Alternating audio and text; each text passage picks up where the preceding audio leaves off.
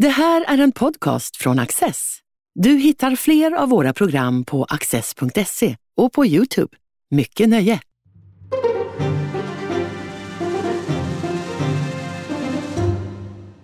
Varmt välkomna till Studio Access.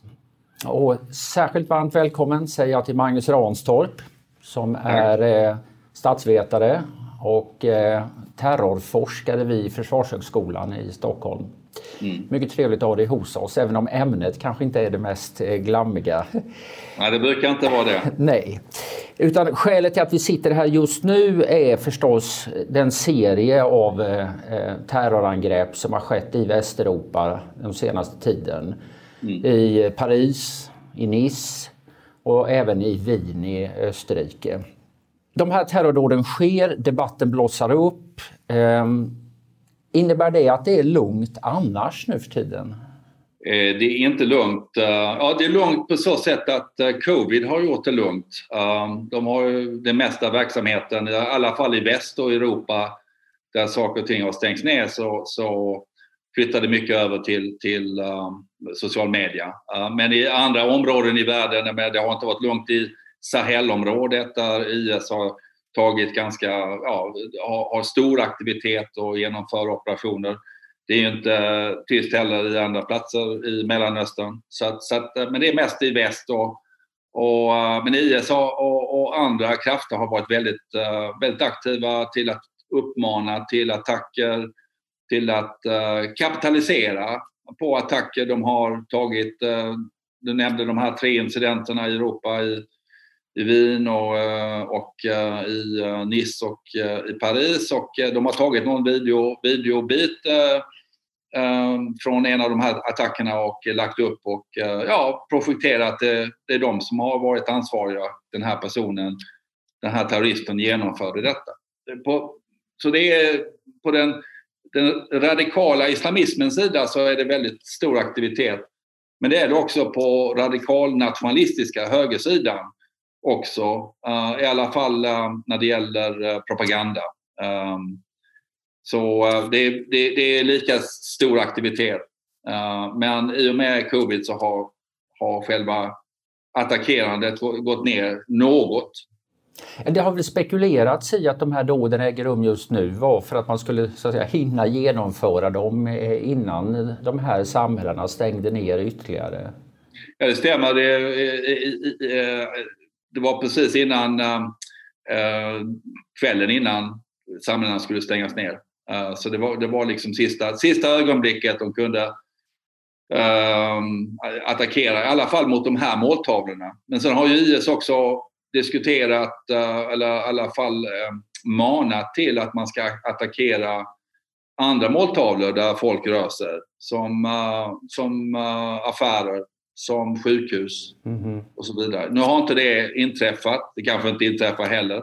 Men, men eh, de, de passar på uh, framförallt att försöka uh, uppmana men också i vissa fall vara med och uh, ha en, ett finger med i spelet ibland genom att ge råd, instruktioner och så vidare. Så att de finns, de kopplar upp sig var de än är. Och det innebär då att det finns en fysisk jakt på de här personerna. Men det finns också en virtuell jakt. Och det är ju det som våra signalspaningsmyndigheter som FRA och andra de, de, de fokuserar på. Att hitta de här individerna digitalt och se hur de är ihopkopplade. Jag funderar på det, för när du säger att de här grupperna är mycket aktiva, kanske till och med mer aktiva eh, nu om jag förstod dig rätt, eh, så antar jag att detsamma gäller kontraterroristverksamheten. Eh, vet man någonting? Får man reda på någonting om hur mycket dåd som avvärjts? Hur långt gångna planer det har funnits men som har stäckats? Alltså det, det sker ju också, det sker ju långt, många så säga, avvärjda um, terrordåd, eh, planer som, som hindras uh, än det är genomförda dåd. Um, och det, är, det, är ganska stor så att säga, aktivitet. Det ligger ungefär per år mellan 30 och 20 um, ehm, avvägda eller genomförda dåd. När det handlar om genomförda så pratar vi i storleksordningen om, jag tror 2019 var det tre stycken som genomfördes. 2017 var det tio som genomfördes. Och rent totalt sett så ligger det, det ligger i det här spannet. Ja, och är det Västeuropa du talar om då? Eller? Det är Västeuropa då, mm. men då, då, har vi liksom inte eh, inkluderat uh, de här länderna som brukar ofta vara talas om. Afghanistan, Irak, uh, Nigeria, um, ja, i, framförallt i Mellanöstern. Uh, där det sker väldigt många dåd. Um, och det har, det har ju ökat successivt genom åren. Um, framförallt efter IS tog fart så har det ökat när det gäller antal dåd runt omkring i världen. Men när det gäller vad som händer i Västeuropa och så vidare om man jämför det med, med 70 80-talet så uh, var det mycket mer aktiviteter där. Uh, det var nästan uh, ett, ett dåd om dagen på, många, på många håll. Så att i proportion så, så ja, det är mycket som sker men, men det har också skett mycket för eh, även om inte de kanske hade samma dödlighet eller samma utgång som vi ser idag. Så att terrorismen har varit med oss en ganska lång tid. Men har bara ändrat jag ska säga, ideologisk inriktning. Det har varit lite olika vågor i det här. Och nu, in, nu är vi inne i, i två vågor. Det ena är radikal-islamistiska vågen och det andra är den ökningen av den radikal-nationalistiska högerextremistiska um, eh, aktiviteten. Mm. Låt oss ta några ord bara till om de här tre senaste händelserna. Eh, Paris, Nice, Wien. Ser du några så att säga, viktiga likheter eller skillnader de dåden emellan? Eh, ja, alltså det, det, det, som hände i Wien och Paris, alltså förövarna i de här, de, de um, i fallet med Paris så har vi en person med rötter i Tjetjenien som var född i Moskva, som kom till eh, som kom till eh, Paris. Han ehm, kom när han var sex år. Ehm, hans halvsyster hade gått med i IS eh, och han var väldigt, också väldigt aktiv på social media. Ehm, framförallt efter dådet men också innan. När vi pratar om han i Nice så hade han ju kommit som migrant till Lampedusa och eh, han åkte omedelbart i karantän. Uh, han var där i två veckor. Sen skulle han avvisas ifrån Italien. Han begav sig uppåt och uh, tog sedan tåg upp till, till, till Nice där han begick det här dådet. Um, ehm, eh, när det gäller han i Wien så var det mycket mer vad ska jag säga, planerat. Han hade eh, försökt ta sig till Afghanistan. Uh, han fick inget visum. Så han försökte ta sig till Turkiet och det, det lyckades han med och sen in till Syrien för att ansluta sig till, till IS där. Um, men då blev han avvisad, han blev deporterad, han kom tillbaka till Österrike, uh, satt i fängelse. Han fick uh, eh, 22 månader men han satt bara 6 månader. Och uh, han lyckades lura av det här avradikaliseringsprogrammet, de här mentorerna som hade kopplats på Uh, och, uh, så de anade ingenting. Uh, och under tiden då så planerar han det här dådet. Han åkte till Slovakien för, för att försöka hitta ammunition. och han var också uppkopplad till IS. Uh, la upp videos som användes sedan i IS propaganda. så att det här var en person som hade väldigt starka kopplingar till IS. Så i två fallen så har vi kopplingar till i alla fall IS. Um, ehm, om inte kanske det, det tredje fallet också visar att det finns i alla fall kommunikation till, till Syrien. Ehm, um, de var väldigt unga, um, alla är nästan i 20-årsåldern. Um, majoriteten av de här individerna som begår den här dåden är mellan 20 och 28 år. Majoriteten är också män. Um, och ungefär 60 procent av dem, alla som som begår sådana här dåd i Europa, de är medborgare i de länderna där man, där man uh, begår, bra, begår de här uh, terrorhandlingarna. Så när eh, president Macron säger att detta är nu inte ett utifrån kommande problem utan det är i högsta grad ett problem som finns på hemmaplan, då ligger det mycket i detta? Ja, alltså det, det Eh, det, väldigt, det ligger väldigt mycket i det eftersom det Macron egentligen pratar om, han pratar ju om den islamistiska separatismen. Det vill säga att uh, det vore helt fel för oss att bara fokusera in på enskilda individer. De här individerna ibland är ensamagerande men de existerar också i små ekosystem i större städer. Det finns hierarkier, det finns strukturer.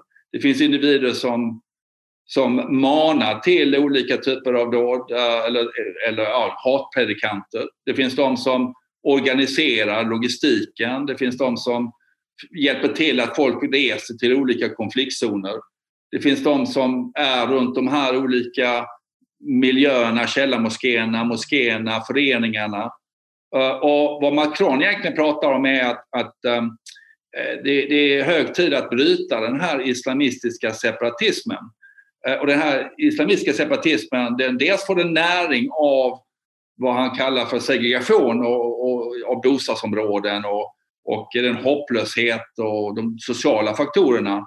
Men han, han, han säger också att det handlar om att det finns en, en inneboende kris inom islam och att uh, det finns uh, krafter utifrån som ger pengar, ger ideologisk riktmärken, de, ger, de skickar predikanter till, eh, till, från utifrån in.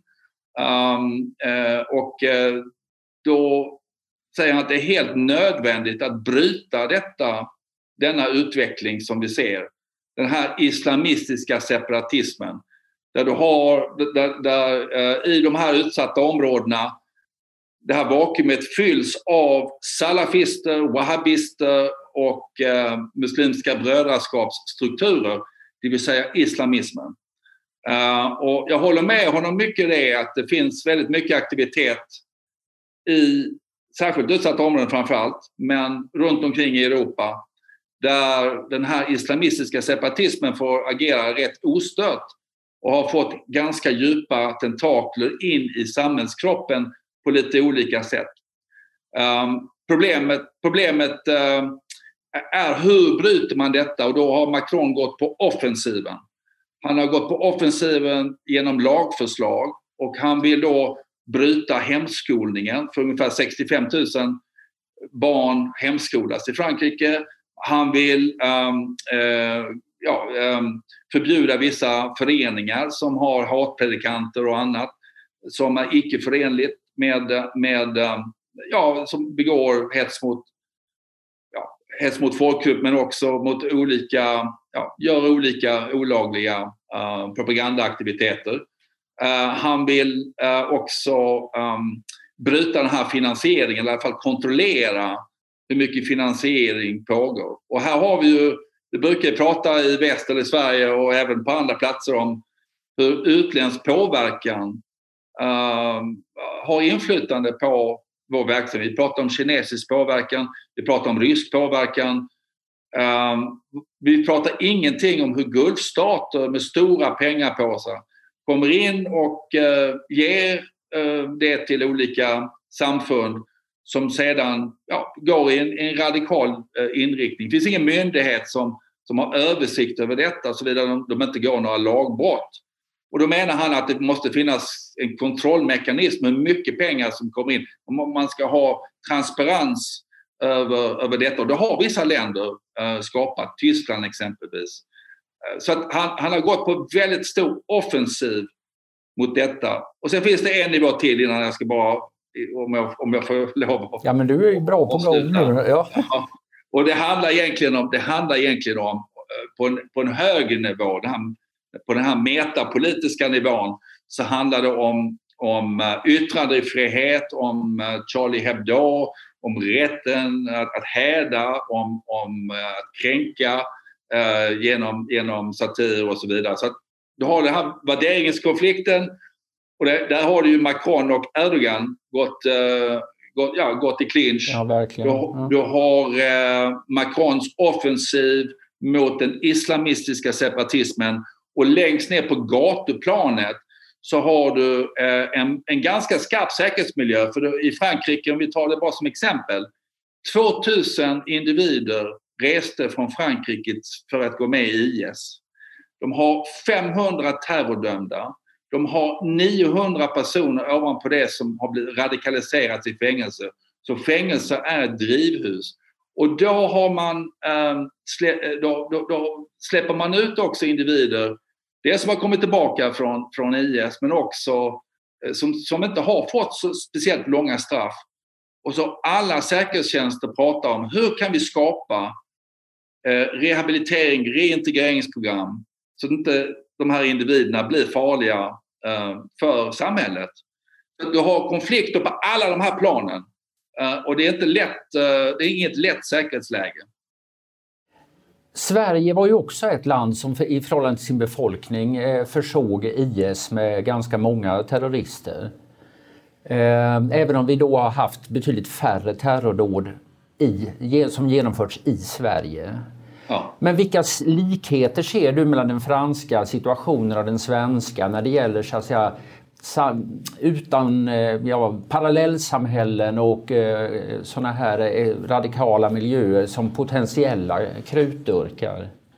Alltså, eh, Frankrike är ju mycket, mycket värre. Det är helt, det är helt annat omfång och eh, det finns en helt annan hopplöshet också. Det finns inte samma möjligheter som det finns i Sverige. Vi har inte samma historia, koloniala historia, vi har inte samma utrikespolitik, vi har inte samma hållning i relation till laicité, till att förbjuda religiösa symboler i det offentliga rummet och så vidare. Så vi har andra, andra förutsättningar. Men det finns också många likheter. För eh, eh när man åker ut till särskilt utsatta områden så slås man av dels att de här miljöerna eh, är ganska rotade i, eh, i, i um, särskilt utsatta områden. Um, de, uh, vad som kanske är lite olika mellan Sverige och Frankrike är att i Sverige så, har, um, så är vi egentligen uh, vi har väldigt stora uh, miljöer och uh, ledarfigurer som är aktiva inom företagande. De är, väl, de är, de är extremt entreprenöriska och de startar företag i olika sektorer där de kan tjäna pengar. Skolor, skolsektorn har varit en. Nu när man har strupit till den, ehm, kontrollen och tillsynen så har de flyttat ner en våning till dagbarnvårdverksamhet eller till förskolor. Ehm, ehm, de, de, är inne i olika branscher. Ehm, och det gör de dels för att tjäna egna pengar och eh, ganska mycket pengar men också pengar som de kan skicka utomlands. Och eh, de kan begå eh, välfärdsbrottslighet i, i vissa fall. Så, vi, så vi ser, jag, jag ser en, en enorm aktivitet av den islamistiska extremismen inom välfärdsbrottslighet, inom, uh, inom uh, vad ska jag säga, för, företagssektorn där de försöker begå ekonomisk brottslighet. Det finns en nyhetsbyrå som heter Siren som jobbar speciellt med eh, nyheter från den offentliga sektorn och myndigheter. De kom med en studie tidigare i år, eller ja, jobb tidigare i år som, eh, som talade om att radikala islamistiska grupper och individer hade gjort affärer för en miljard kronor med den svenska offentliga sektorn. Ja, det stämmer och, och då har vi inte ens räknat med vad jag... Alltså jag brukar också vi har ju tittat på Muslimska brödraskapets strukturer i Sverige um, uh, och kopplingar. Um, och de är Muslimska brödraskapsaffilierade. affilierade. Eh, de länkar upp sig till, till, till, till andra hubbar och, och, de får också uh, offentliga medel. Um, vi räknar idag runt omkring samma krets av individer, runt omkring en kvarts miljard per år av statliga medel. Um, de är naturligtvis inte våldsbejakande men det finns en islamistisk agenda här som, som man bör vara vaksam på. Vi kanske skulle byta ett ord om detta just med man drar ju lätt slutsatsen att, så att säga, radikala åsikter eh, mer eller mindre automatiskt leder till terror. Men hur ser det där, vet, vad vet man om hur det där sambandet ser ut? Så att säga, de som verkligen blir terrorister, har de nästan alltid funnits i radikaliserade miljöer först? Eller är det man hör ju mycket om ensamvargar nu, folk som sitter hemma på kammaren och liksom får intryck och hittar på grejer. Kan man säga något om det där, något generellt samband? Alltså först och främst så är det väldigt få som tar till våld. Um, det är väldigt få som, som uh, verkligen tar det här steget till att, till att utföra något terrordåd. Ja, för åka till uh, IS var det ju inte så få som gjorde. Nej, men det var 300, som, uh, 300 ja. från Sverige som åkte. Det, det är ju ganska många. Vi, i relation till vår befolkning och eh, vi hade kanske vi hade nästan eh, vi hade 24 procent kvinnor också som åkte högsta andelen i, i, i Europa i relation till populationen som åkte. Um, eh, nej, och sen är det som så att de här miljöerna är ju de är ju inte vakuumförpackade. De är ju uppkopplade till olika, till olika andra konflikter utomlands. Eh, och det är ofta beroende på vad de konflikterna utomlands, hur de rekryterar personer från Sverige till att åka ut. Och det är relativt sällan, tror jag, eh, eller vi har sett eh, ehm, som individer har velat begå någonting i Sverige ehm, i relation till till, um, vi har ju sett nu på senare tid, vi hade ju 2010 så hade vi ju uh, uh, både fyra svenskar som åkte ner till Jyllandsposten och skulle begå ett, uh, storma Jyllandsposten och döda som, uh, redaktörerna. Uh, vi hade Taimur Abdul Wahab på Bryggargatan. Vi har haft Akulov. Så jag menar, vi har haft uh, dåd, ja. men i jämförelse med övriga Europa så har vi varit relativt förskonade. Men det innebär ju inte att uh, miljöerna inte är inaktiva eller att de inte gör någonting eller att de inte finns här. De finns här i, i allra högsta grad. Och Säkerhetspolisen har varit ute och sagt att det finns runt omkring 2000 personer som de håller öga på när det gäller potentiella säkerhetshot som är våldsbejakande. Och vi ser ju det, liksom, det finns så uppbyggda ekosystem i varje större svensk stad kan man säga med ett antal individer som, som är mer våldsbenägna. Eh, men det är ju mycket större runt omkring dem när det gäller sympatisörer och andra som, som, uh, som jobbar på och uh, som eh, har olika typer av agendor. Man får skilja på olika funktioner. Så du har ju de, de predikanterna som, som, som skapar den här ideologiska näringen du har andra som är involverade i de här miljöerna som, som inte är våldsbejakande men som stöttar det ideologiskt sett. Och sen har du en väldigt liten grupp som är utförarna som kan tänka sig att göra någonting. Och det är också beroende på hur mycket Säkerhetspolisen jobbar med att avvärja och att gå in och störa och, ha, och sätta press på de här miljöerna. Det har också en inverkan. Hur mycket bättre har den svenska politiken eh, eh, som ska arbeta förebyggande, hur mycket bättre har den blivit sedan dådet på Bryggargatan 2010? Ja, alltså, när det gäller den förebyggande verksamheten, det fanns ju ingen eh, förrän eh, man, man skapade en samordnare eh, 2014-2015.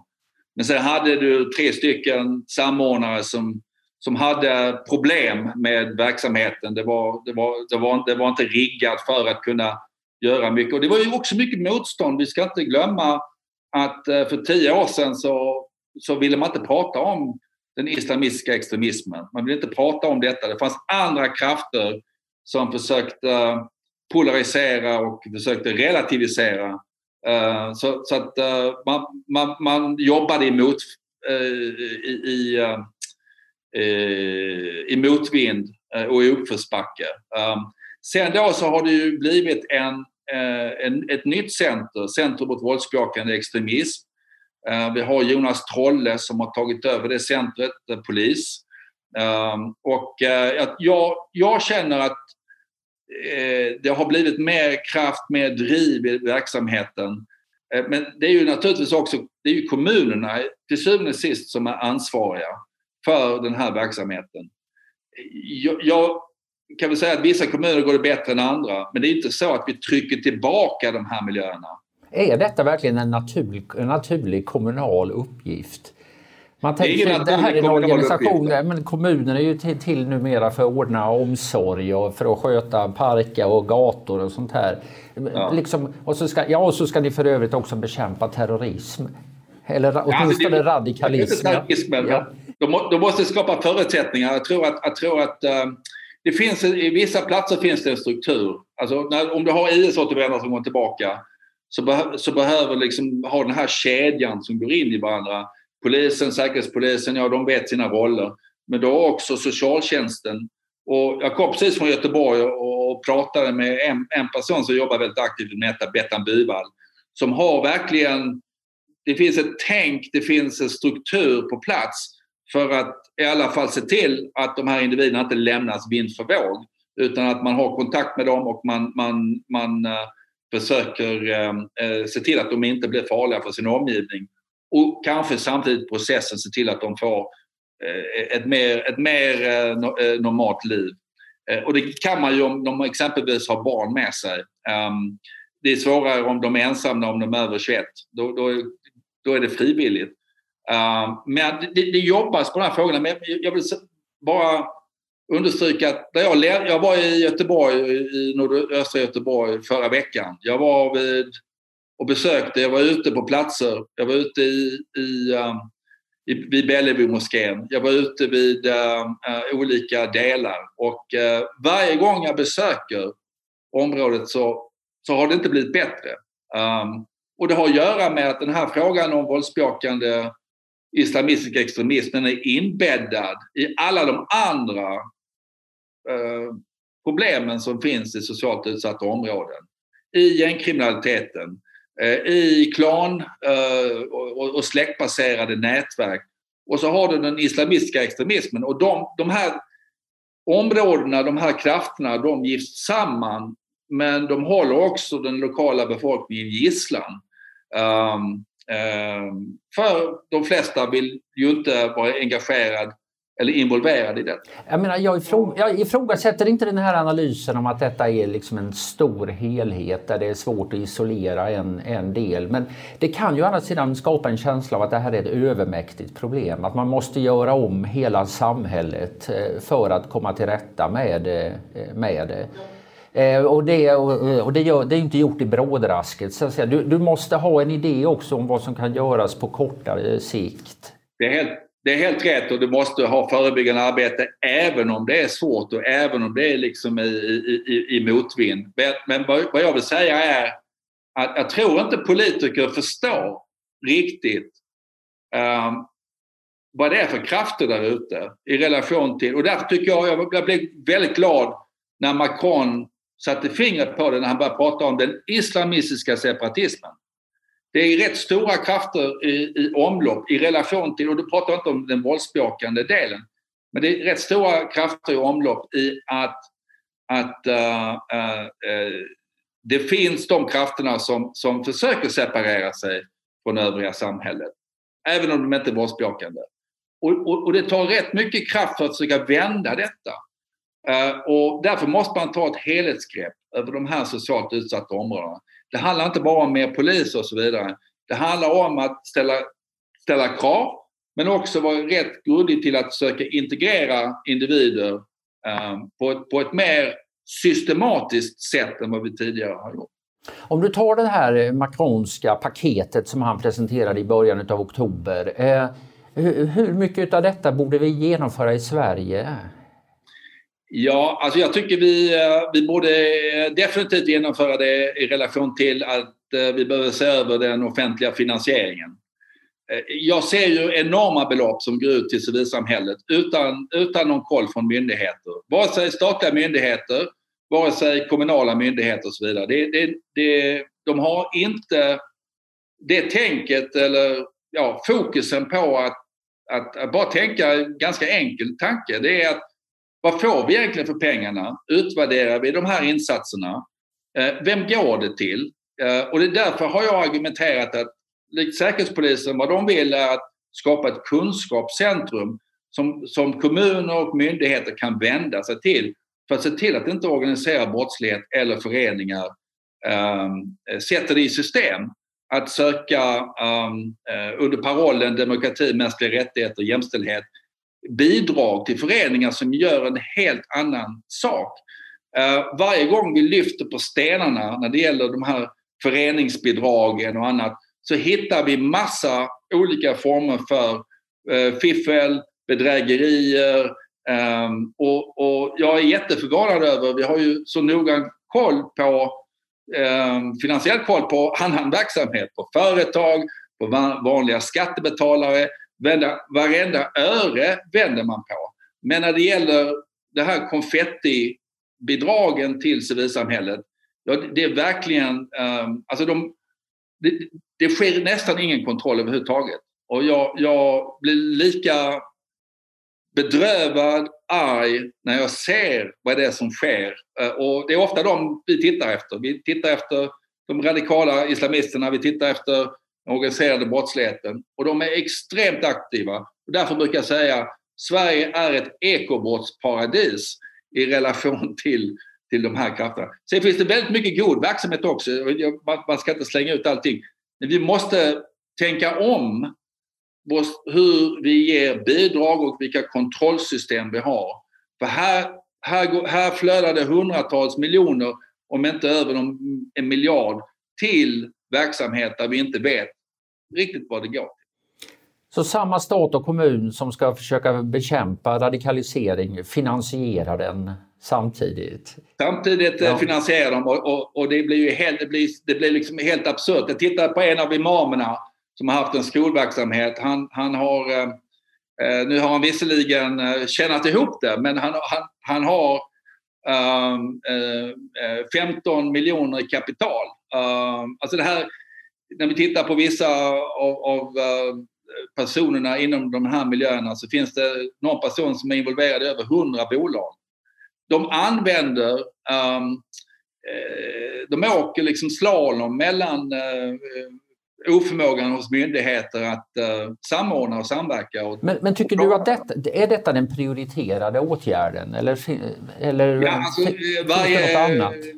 Ja, alltså att gå efter pengarna, det, det gör ont att gå efter pengar. Eh, det, går, det, det, gör ont när, när eh, Skatteverket och andra börjar, börjar titta på det. Och, de har gjort det också. Myndigheterna, brottsbekämpande myndigheter har blivit mycket, mycket bättre på att kunna kunna borra i eh, personer och med omnejd. Och ofta sätter de in målvakter och så vidare. Men, men um, det, det, är prioriterat för här, här dels så sparar vi eh, skattemedel om vi är lite smarta här. Det är ju inte så att varje kommun ska kunna ha liksom en granskande kommitté och, och titta utan vi behöver ha ett kunskapscentrum där polis och andra kan titta i misstankeregister och annat och se till att personer som är involverade i de här eh, föreningarna inte har något brottsligt syfte eller extremistsyfte. Eh, um, ehm, det är en del. Sen måste vi försöka skapa um, Eh, och jobba, liksom takta det brottsbekämpande med det förebyggande. Men det omgärdas ju av våra segregationsproblem. Eh, och kommer vi inte till bukt med dem så kommer vi inte komma till bukt med vare sig organiserad brottslighet, gängkriminalitet eh, ehm, eh, klanrelaterade eller släktbaserade nätverk eller den här våldsbejakande extremismen. Jag tänkte en annan av Macrons förslag är ju det här att skapa en tydligare kontroll och genomlysning utav eh, utländsk finansiering utav de här radikala miljöerna. Ja. I Sverige finns väl inga sådana begränsningar i stort sett. Så, vad, vad anser du om det? Nej, vi tittar på det just nu.